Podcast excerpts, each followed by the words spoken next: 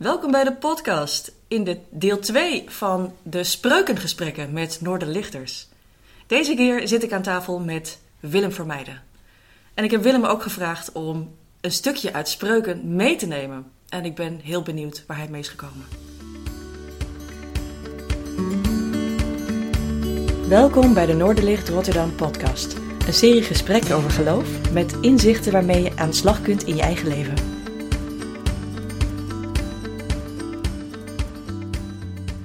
Hallo, Janneke. Hi Willem, wat fijn dat je er bent. Dankjewel. Hi. Jij ook. Ja. Wat heb je voor ons meegenomen? Eh, spreuken 25. eh, andere spreuken van Salomo. eh 11 en 12. Zal ik hem voorlezen? Ja? Het juiste woord op de juiste tijd is als een gouden appel op een zilveren schaal. Een wijze vermaning voor een luisterend oor is als een gouden ring, een sieraad van het zuiverste goud. Niet een eenvoudige. Nee, Nee. nee. Maar zo heb ik niet gedacht. Nee, N- dat is heel goed. Lijkt me heel gezond. Ja, Wat, wat bracht jou daartoe om dit mee te nemen voor ons? ja, mijn oog viel erop. En eh, ik sloeg aan toen ik het las. Ja? En eh, ik, ik vind het mooi dat- omdat deze versen eh, voor mij erg actueel zijn. Dus in de actualiteit staan. Waar raakt het voor jou nu? Nou, ik geef, eh, ik geef les op de Hogeschool Rotterdam. Online natuurlijk. En ik geef tien supervisiegroepen les. En een keuzevak, afscheid nemen en rouwen en nog andere dingen. Ehm, en met name die supervisiegroepen, dat is de, de- waarin de timing dus heel belangrijk is. Hè? Ehm, eh, dus het juiste woord op het juiste moment Ja. daar gaat het eigenlijk om. Hè? Dus die, die, eh, ehm, tevens, wat ik er even over wil zeggen, vind ik het heel bijzonder, omdat het natuurlijk nu online is. Normaal geef ik supervisie fysiek. En het valt me alles mee. En ik vind het heel mooi. In deze tijd ervaar ik het ook heel sterk als zingeving. Dus, eh, Het eh, online les kunnen geven. Juist omdat iedereen thuis zit. Ja. En juist dit vak, hè, supervisie, is eigenlijk reflecteren Ja. eh, op, je, op je stageervaringen, op je werkervaringen. ja. En dan niet alleen op de ervaringen zelf, maar met name op jezelf. Hoe je dingen doet. Precies, je hebt, een bepaald, ervaart. je hebt een bepaald gedrag daar. Precies. En kijken we naar het ijsbergmodel. En je gedrag is boven het ijs en onder het ijs. Daar zitten je motieven. Ja. En, Je eh, hang-ups eh, en alles. je levensovertuiging van waaruit je het doet. Ja. En, eh, je, je, dus, nou, en daar hebben we het dan over. Dat is natuurlijk heel mooi. Ja, en dan is timing wel belangrijk. Want ja, bij het goede woord op het goede moment, ehm, bij supervisie, eh, is eigenlijk het eerste wat bij je opkomt, bij mij, feedback. Ja, En dat is niet altijd ontspannen om te horen, maar wel vaak goed en opbouwend, mits goed gebracht. klopt. Eh, en dan is het ook met online lesgeven, denk ik, juist heel belangrijk om daar een goed klimaat voor te scheppen. Om dat goed eh, Ja, de, ik te denk- geven. ja, en de kunst is ook om die intimiteit erin te brengen. Ja, En wat betreft die feedback, wat jij zegt, hè, dat Ja. een van die regels van feedback is dat je niet oordeelt, want Ja. anders gaan de rolluiken dicht, laten we zeggen. En ehm, nou staat er bijvoorbeeld een wijze vermaning. Mhm. En dat woord vermaning, dat vind ik lastig in mijn context. Ja. Want dan wordt het gauw een wijzend terechtwijzing. vingertje. Ja, dan wordt het een terechtwijzing. Ja. Of een confrontatie, maar die heb je ook met supervisie. Maar dan gaat het om confrontatie met liefde. Dan kan iemand het aanhoren. Hè, dus ik vind eh, in de plaats van het woord vermaning, vind ik boodschap heel mooi. En ja, soms is de boodschap ook niet tussen mensen niet helemaal goed verpakt. Dan, nou, die kan zelfs kwetsend zijn. Maar dan is het ook, vind ik, de kunst om bij jezelf te reflecteren van hé, welke boodschap zit er nou in wat die ander tegen mij zegt? En dan kan je daar toch iets aan hebben. Misschien is het dan wel. Omdat de meeste mensen zelden iets zeggen om de ander alleen maar te kwetsen. Ja, tuurlijk. Dus Omdat dat een hele altijd- andere motivatie zou zijn. Precies. Ja, andere ja, beweegreden. Ja, dan is het uit boosheid of uit eh, Frustratie. eh, precies, precies. Of jaloezie of nou, whatever. Nou, doe me wel denken aan waar Cora in onze vorige aflevering mee kwam. Dat ging met name ook over hoe je dingen hoort en welke woorden je kiest om te delen. Van, eh, het ging ook heel over vriendelijkheid Ja, en, ehm, en over gehoord worden, niet gehoord worden. En daar kwam het woord sleutel steeds boven. En dat, eh, Ja. dat komt nu ook bij mij eigenlijk Mooi. op, want misschien dat juist feedback indien goed gegeven dus en goed ontvangen vormt het voor de ontvanger en misschien ook wel voor de gever als een sleutel naar Ja. transformatie naar het volgende plan. Helemaal waar. Maar aan de gever de kunst om de sleutel te vinden. Ja. De ingang bij iemand. Ja. En daar is nodig dat je iemand echt voorziet. Hè? Dat je iemand Ja. kan zien. Dat je echt iemand eh, doorziet ook. Dus dat je eerst levelt, eerst dezelfde golflengte. En dan is ja, dan je, in- je inlevingsvermogen en luisteren. En dan, ja, dat is leuk dat je dat zegt, Johan. En dan zeg ik altijd, ja, er is, er is luisteren om te reageren. Ja. Dan ben je met jezelf bezig. Je wilt afwachten om te zeggen wat je eigenlijk... eh, Precies. Dan ben je eigenlijk al, het, met het antwoord ben je al aan het formuleren terwijl de ander nog aan het praten is. Dan ben je met jezelf. Maar zodra je gaat luisteren om te begrijpen, dan gaat het om die ander. En dan probeer je te levelen met die ander. En dat vergt empathie. Ja. Omdat je, en nieuwsgierigheid ook, belangstelling. Dat, Ja. je, dat je van jezelf accepteert Precies. van... ik heb misschien een vooringenomen beeld. Desondanks ben ik benieuwd hoe het echt zit. Dus ik Ja. ben benieuwd en daar wil ik achterkomen in alle respect. Dus Ja, het beroep waar ik mensen voor opleid, social work, Mm. dat de allereerste voorwaarde is ook interesse in de medemens. Anders gaat het niet werken. Ja. ja, Vind ik nog een mooier woord dan nieuwsgierigheid. ja, ja. Empathie, belangstelling, nieuwsgierigheid... eh, eh, willen ontdekken, mensen Ja. leren kennen. Precies. Ja. Maar kijk, dat vind ik zo mooi. Dan staat er het juiste woord. Hè? Dus het woord moet ook juist zijn. Aha. En de tijd moet juist zijn. En dan is is als een gouden appel op een zilveren schaal. Dus die, als die tijd nou die zilveren schaal is, daar leg je een gouden appel in. Dat is dus dat woord, dat gaat, hè, dat leg je in de tijd. Vind ik wel heel mooi. En dan staat er een wijze vermaning, dus de vermaning moet ook wijs zijn. Ja. En het oor moet kunnen luisteren. Ja. Een hele dynamiek geschetst hè, in een paar regels. Ja, ja onvoorstelbaar Ja. mooi. Onvoorstelbaar mooi. En dan is het dus een sieraad hè, voor die ander. En dan door de boodschap kan de ander ook verder komen. Dus het gaat erom dat je iets, dat je de ander verder wil brengen met wat je zegt. Dan geef je het in eh, liefde. Ja, Ja. ja, ja. Eh, je hebt een volle agenda. Hè, wat, je, wat je vertelt, je hebt veel supervisiegroepen, je geeft les en online en veel. Eh, dat doe je ook al een hele tijd. Mhm. En je hebt ook al heel erg lang gewerkt. Nu kan ik me voorstellen dat je in de loop van de tijd hier naartoe, tot, bij het, tot het punt waar je nu in je leven staat, ja. dat er een aantal eh, punten misschien zijn geweest waarop je denkt, daarin vond ik het moeilijk om feedback te geven. Of toen vond ik het een, eh, eh, pittig om het te ontvangen. Eh, zijn daar dingen geweest waar ja, een soort, misschien ook een haakje zit in waarom je juist dit hebt gekozen? Ja, dat is wel mooi. Jij kan mijn gedachten raden, dat is wel knap van je. Ja. Communicatie. Nou, ook, dat heeft Ja. ook indirect met school te maken. Ik Ja. geef ook een keuzevak afscheid nemen en rouwen. Ja. En daarin eh, eh, ja, geef ik veel van mijn eigen persoon bloot. Mhm. Want dat hoort bij dat onderwerp ook. Nou, en dan ben ik ook echt persoonlijk. Dat waarderen studenten ook. Het is een uitnodiging voor hen om ook iets over hun eigen ervaringen te vertellen. Maar ehm, ja, ik ben in de verlies- en rouwwereld terechtgekomen. Daarvoor eigenlijk al, omdat mijn ouders op relatief jonge leeftijd zijn overleden. Toen was ik meer onbewust bekwaam. Maar acht jaar geleden is mijn dochter Merel gestorven door eh, suïcide. En eh, ja, daarna ben ik eigenlijk heel bewust de verlies- en rouwwereld ingegaan, opleiding gevolgd, tot verlies- en rouwbegeleider, boeken gelezen enzovoort. Ben ik eigenlijk bewust bekwaam geworden. En nou om even terug te komen naar wat je zei. Toen Merel drie maanden geleden was overleden in 2012, toen ben ik naar de huisarts gegaan. En eh, ja, ik vond dat zij het ook moest weten. Nou, en toen zei de huisarts, we hebben hier Anja rondlopen, een psychiatrische verpleegkundige. En die heeft wat meer tijd voor mensen die met nou, moeilijkheden komen eh, op, op, op psychosociaal gebied. Ik heb die tijd niet, zou je eens wat gesprekken met haar willen hebben. Nou, dat bleek een schot in de roos. Dat was een heel fijn, een mooie gesprek met haar gehad. Maar Anja, nou, die eh, confronteerde me ook. Eerste gesprek, ik kwam niet verder met, zat vol met schuldgevoel. Maar als ik nou dat had gedaan, dan was misschien.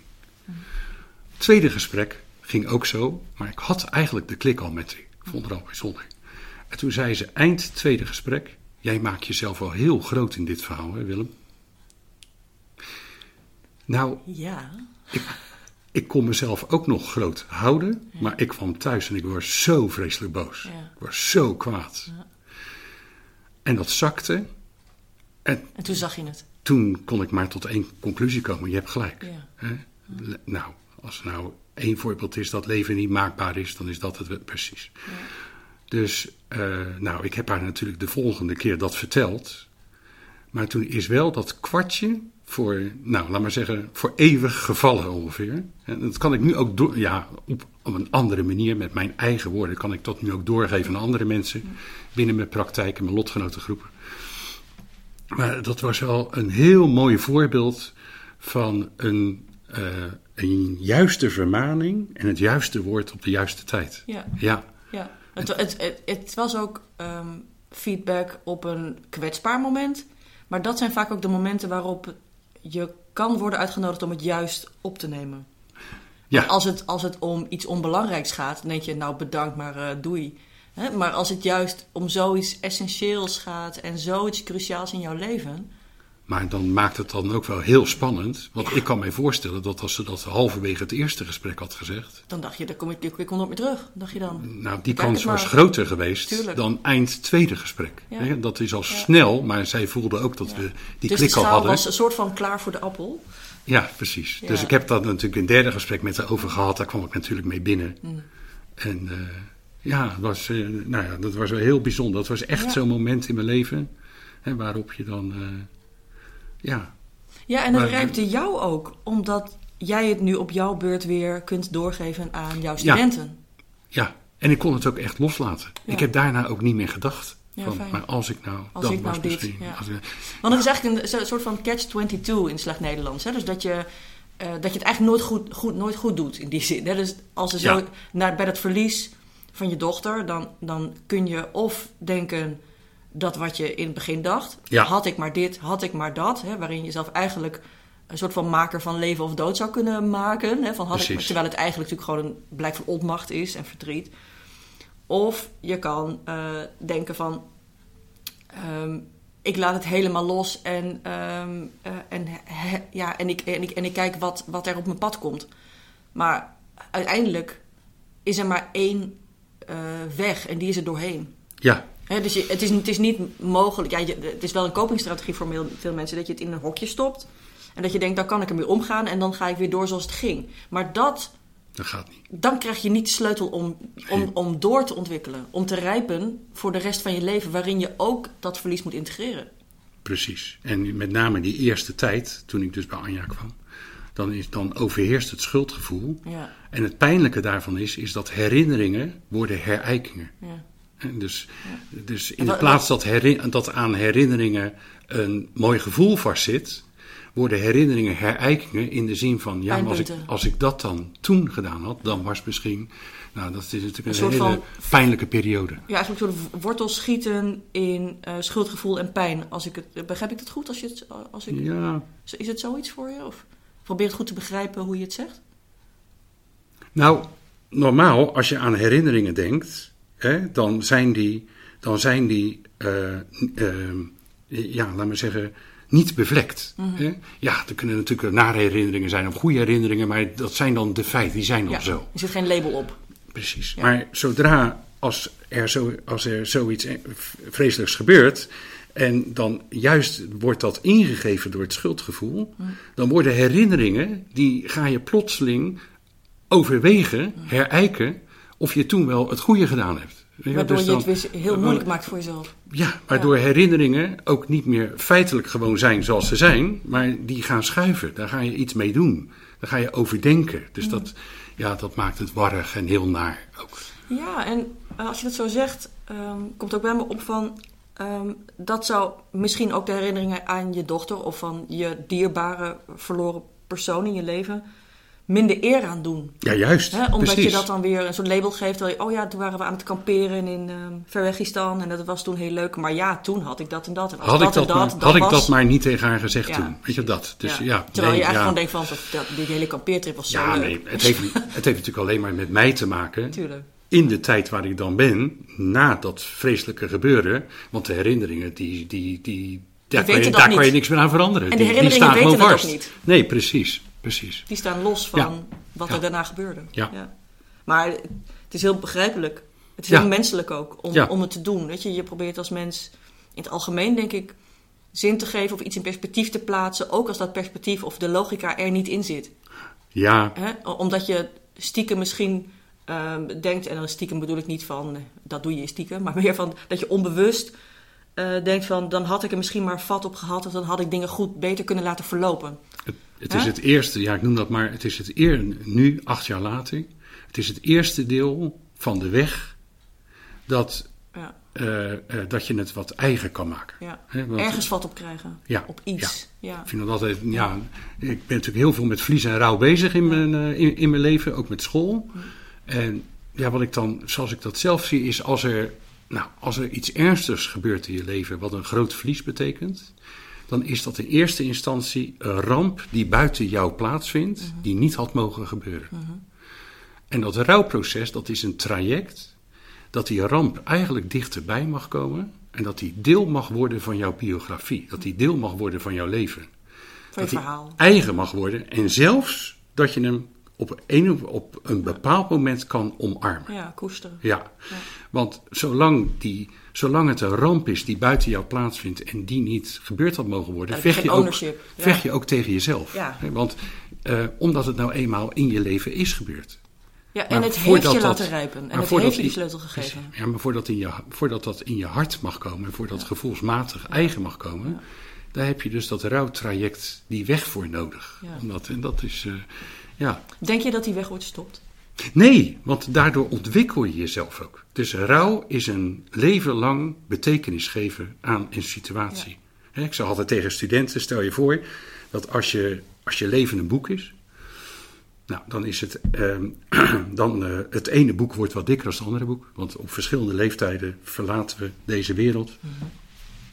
Maar als in hoofdstuk 2 nou iets heel ernstigs gebeurt in je leven, een groot verlies, dan neem je dat mee in hoofdstuk 3, 4, 5, 6, 7, zolang je boek dik is. Zeker. Dus zo'n verlies is nooit een soort nooit af. kattenbelletje aan het eind in, in het nawoord. Nee, dat, dat, dat, dat gebeurt in hoofdstuk 2 of 3. En dat gaat dus mee Ja. met. eh, eh, ja, dus in die zin vind ik een mooie metafoor.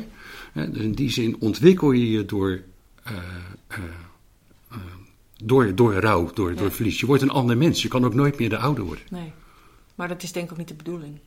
Nee, precies. Maar ja, het, ehm, op sommige momenten, eh dus ik merk het aan mezelf, ik heb ook een en ander eh, eh, wat verlieservaringen op Ja. vroegere en la- latere leeftijd.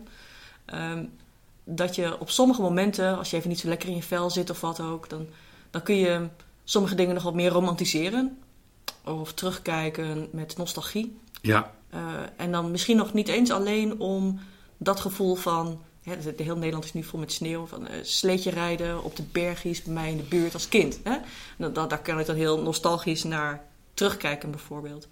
Eh, en tegelijkertijd, ja, toen, toen waren er gewoon nog niet bepaalde dingen gebeurd die later zijn enorme stempel drukten. Ehm, dus dan kun je dus je verliest je onbevangenheid. ja, ja. Desondanks kun je wel op kwetsbare momenten verlie- dan voel je je alsof de onbevangenheid verloren bent. Ja, Maar op het moment als het wel weer een beetje een soort van oké gaat, want dat gaat altijd een beetje in golven, denk ik. Tenminste bij mij. Ik weet niet hoe dat voor een ander is, maar ik denk dat het heel menselijk is. Dat het soms beter gaat en soms wat minder.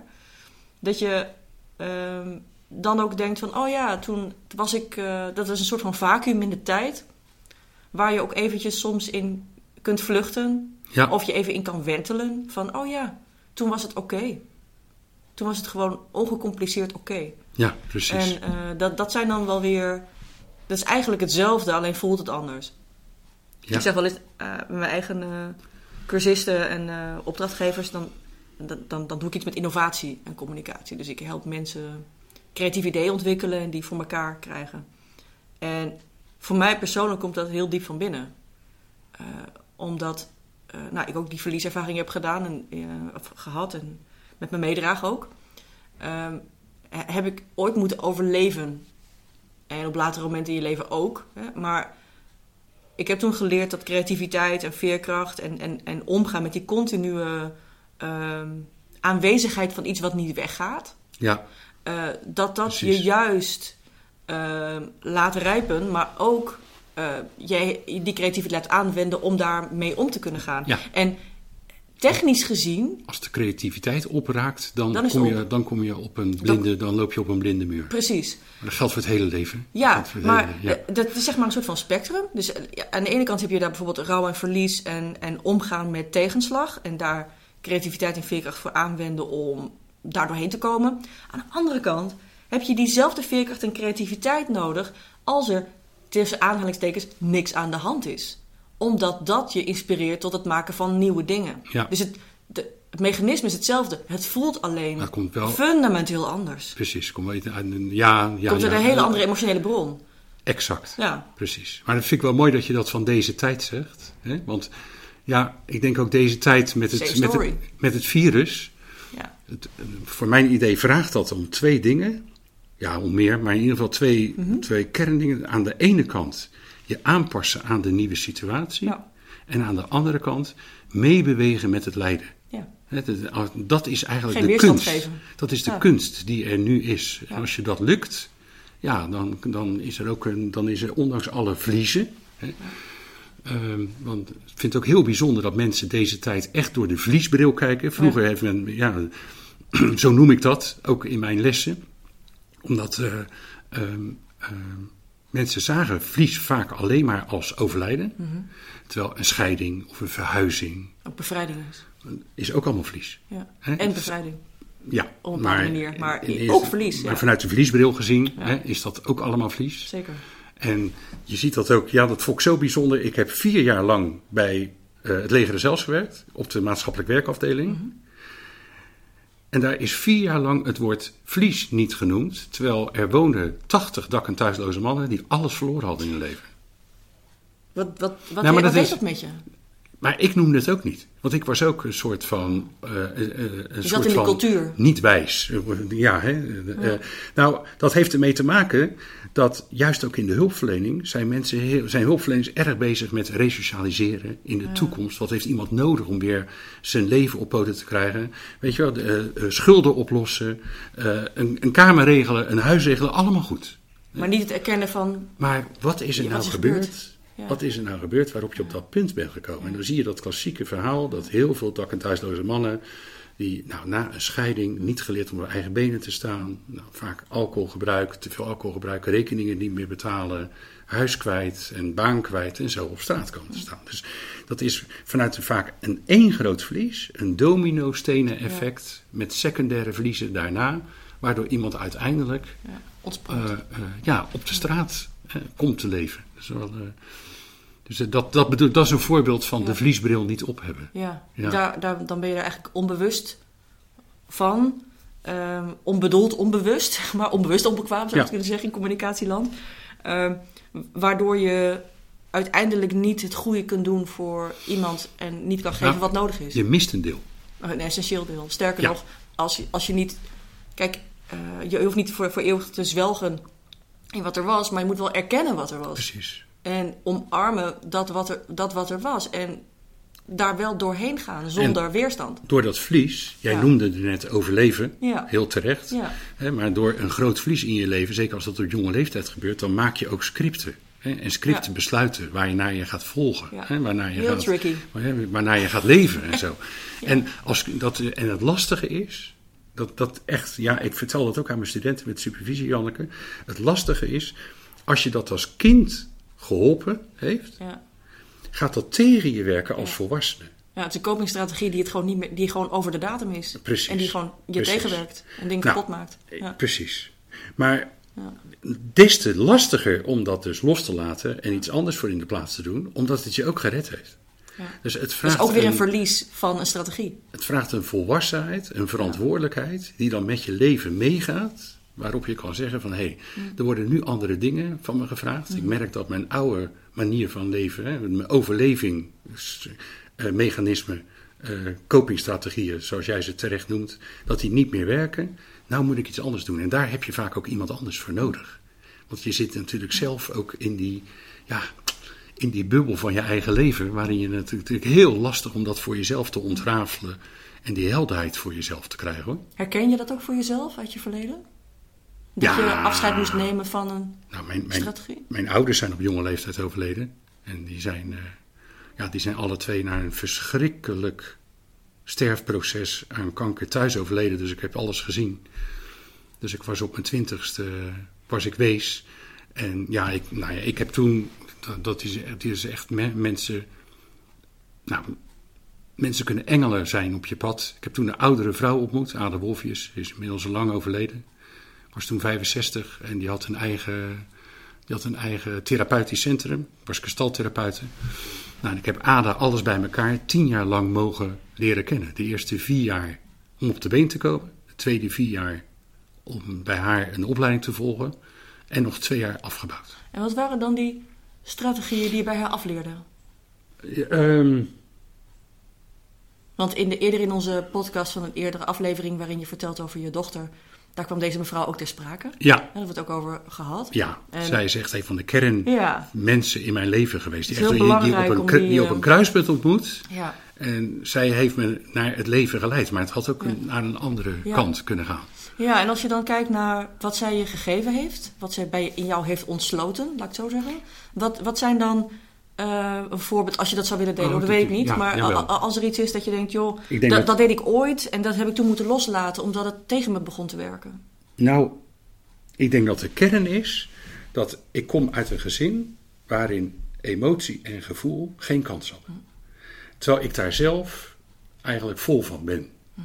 Dus ik, was, ik voelde me verdwaald. Ik was de jongste en ik voelde me daar, nou, hè, ik voelde me wat verdwaald, niet thuis, miste iets heel belangrijks. Maar ik wist ook niet wat, want wat mis je als je het niet kent? Ja, ik, had het wel diep in me. Dus ik kwam bij haar voor het eerst en zij was heel voorzichtig met me, want ze zag dat. Dus er ging een wereld voor me open die aansloot bij me, maar nog helemaal niet op een manier dat ik er iets mee kon. Dus dat moest stapje voor stapje, Ja. met één stap eh, er naartoe en twee stappen terug. Hè. en hoe zag dat eruit? Was dat dan dat, dat je niks zei of dat je Ja, ik juist heb, in, boos ik, was? ik of heb de eerste groep alleen maar gekeken. Ja, ja. En dan zei Ada van, eh, helemaal aan het eind, ze zei, nou, Wil, ze deed ook lichaamswerken, Mhm. gestaltherapeut lichaamswerken. Ze zei, nou Willem, kom maar liggen. Nou, en dan lag ik op mijn rug en dan hield ze alleen maar haar handen onder mijn schouders, zodat mijn schouders konden zakken. Nou, dat was Dat je gedragen kon zijn, een stukje. meer dan genoeg. De eerste weken, zo niet maanden. Ja, Kun je nagaan. Weet je, hoe, hoe eh, diep geworteld ja, eh, gedrag kan zijn door hoe je opgroeit. ongelooflijk. Ja, Precies. mooi. En ehm, lichaamswerk, hè, dat, dat, dat werkte dus goed om dat patroon in, eer- in eerste instantie het eerste stukje los te laten, of Ja. dat open te breken. En was er ook een woord, als ik weer kijk naar de spreuk die je hebt meegenomen, eh, een woord op het juiste moment. Op, eh, wa- was Nou. dat ook iets wat bij haar. Ada kon dat als de beste. Ja, die kon het echt als de beste. Ik, had, ik heb zo vaak meegemaakt dat. Nou, zij was was. nou één moment waarvan je denkt, nou, dat was echt cruciaal voor mij? Ja, Mag ook een gevoel zijn. Maar... nou, de- nou, wat wel heel vaak gebeurde, is dat, dat vond ik ook zo bijzonder. Ze zag niet alleen mij, maar ze zag ook mijn weg vooruit. Dus, dus er gebeurde heel vaak dat ze zei iets tegen me, en dan verraste me dat. En dan een week of veertien dagen later zat ik er. En kon ik het uitwerken. Maar dan had zij het al gezegd. Dus dat, dat, dat, dat dus zij, zij zorgde tegelijkertijd voor de piketpaaltjes. Ja, Waar, eh, waardoor ik een soort pad in mijn leven kreeg. Wat weer naar mijzelf leidde. ja. Zij, zij, zij zag je busreis en de stationnetjes. En Exact. ze erkende dat je af en toe wel of niet kon opstappen op de bus. Ja. Dat vond ik een wonder. Ja. Dat vond ik zo bijzonder. En was er was ook een soort woord of een bepaald moment wat dat ehm, op, als je terugkijkt, dat dat voor jou opende? Ehm, klinkt misschien een beetje vaag, maar ik vermoed dat je wel weet wat nou, het is meer dat je me er even mee overvalt. Want Ja. het is natuurlijk ook alweer even geleden. Ja, dat snap Want ik. ik was, ik was 21. Ja, dat is gisteren, Willem. Ja, Bovendien, Ja. forever young. bijna 40 jaar geleden. Maar dat- nee, dat maakt niet uit. Maar, En ik- dat je dat, ja, het- ja, in, nou, het hoeft ook niet, maar ik, ik er komt probeer... even niks eh, boven. Nee, maar dat is, ook, dat is oké. Maar ehm, het feit dat iemand eh, die sleutel opent met een woord of een teken op het juiste moment, Precies. op de juiste wijze, dat is ook wat spreuken hier meegeeft. Met en, een enorme zorgvuldigheid. ja, Hè, en dat- Conscientieus en dat, secuur. dat woord vooral, hè, dat je dus eigenlijk, eigenlijk kan zien of iemand of het kan landen op dat moment bij iemand. Dat hij open genoeg is en dat hij, dat hij eigenlijk ook kan luisteren om te begrijpen. En niet om dicht te gaan of om te reageren. Hè. Dus het, moet ook, het woord moet ook naar binnen kunnen gaan bij iemand. Ja, dat Dus dat contact moet je met die ander ook hebben op dat moment. En opbouwen, ja. Ja, Ja, eh, zorgvuldigheid, dat woord noem je nu. Ik, eh, ik, heb, ik heb nog niet eerder op die manier over nagedacht, over het woord. Ik weet wel wat de lading is, maar de Duitsers hebben daar heel mooi, moet ik even zeggen, de Duitsers hebben daar een heel mooi woord voor. Fingerspitzengefühle. vingerspitsengevoel, ja, zeker. De, de, De, eh, de kleine sensaties ja, die je de huid op je vingertop is het dunst. Ja. Dus als je daar overheen wrijft, hè, dat is, ja, dat is, ja, dus die hele sensitiviteit. precies. Ehm, tegelijkertijd, te- tegelijkertijd keek ik ook naar het woord op zich. Ehm, zorgvuldigheid. Je kan ook vervuld zijn van zorg. En daarmee het woord kiezen. Ja, mooi. Daar heb ik nog nooit naar gekeken. Nee, ik maar ook niet. kwam heel spontaan op, op, ja, me, klopt. op me af toen je het woord gebruikte. Ja. In deze context. Ja, Mooi. Nou, er zitten heel veel woorden op het goede moment. in en Jezus was daar natuurlijk held in, hè? De juiste woorden op het juiste moment. Ja. En alleen die woorden spreken om niet te oordelen, maar om de mens naar een hoger plan te brengen. Oftewel, met name ook om zijn plan, zijn idee, zijn, zijn plan eh, te openbaren met wat betreft het koninkrijk. Ik moest daar thuis nog aan denken, toen dacht ik, één uitspraak kwam met name naar voren. Ja? dat, eh, dat, dat dan staat hij naast, naast die vrouw die gestenigd gaat worden vanwege overspel. Ja. En eh, nou, dan bukt hij en dan schrijft hij in het zand, hè? dat is bijna om de stenen op te vangen. En dan willen ze gaan, dan, dan willen de mensen stenen gaan gooien. Hè? En dan zegt hij, wie zonde, zonde is, gooi je de eerste steen. En iedereen druipt af. ja. Nou, als je het nou over het juiste woord op het juiste moment Perfecte hebt. comeback voor al. Ja? Wat ontzettend mooi, hè? Omdat het, dat het de, de, de, de oordeler Ja, bewust maakt van zijn eigen tekortkomingen. ja ongelooflijk. Mooi. Ja. Ik heb dat, er komt onmiddellijk een ander verhaal, een anekdote bij me naar boven. Jaren geleden had ik een vriend. Die woonde op Zuid. Die fietste daar naar huis toe, s'avonds laat. En die zag, die zag dat twee mannen een vrouw aan het slaan waren op straat. Tuurlijk. Die kon niet doorfietsen. Dus hij stopte en die riep: Hé, hey, wat moet dat? Ja. Nou, die kreeg scheldwoorden terug. Ja. En die mannen lieten die vrouw met rust, maar die kwamen op hem af. Ja. En vlak voordat ze bij hem waren, toen spreidde hij zijn armen. En toen zei hij: We zijn toch allemaal maar mensen? We hebben toch allemaal pijn? En toen begonnen ze over hun jeugd te vertellen. Wauw.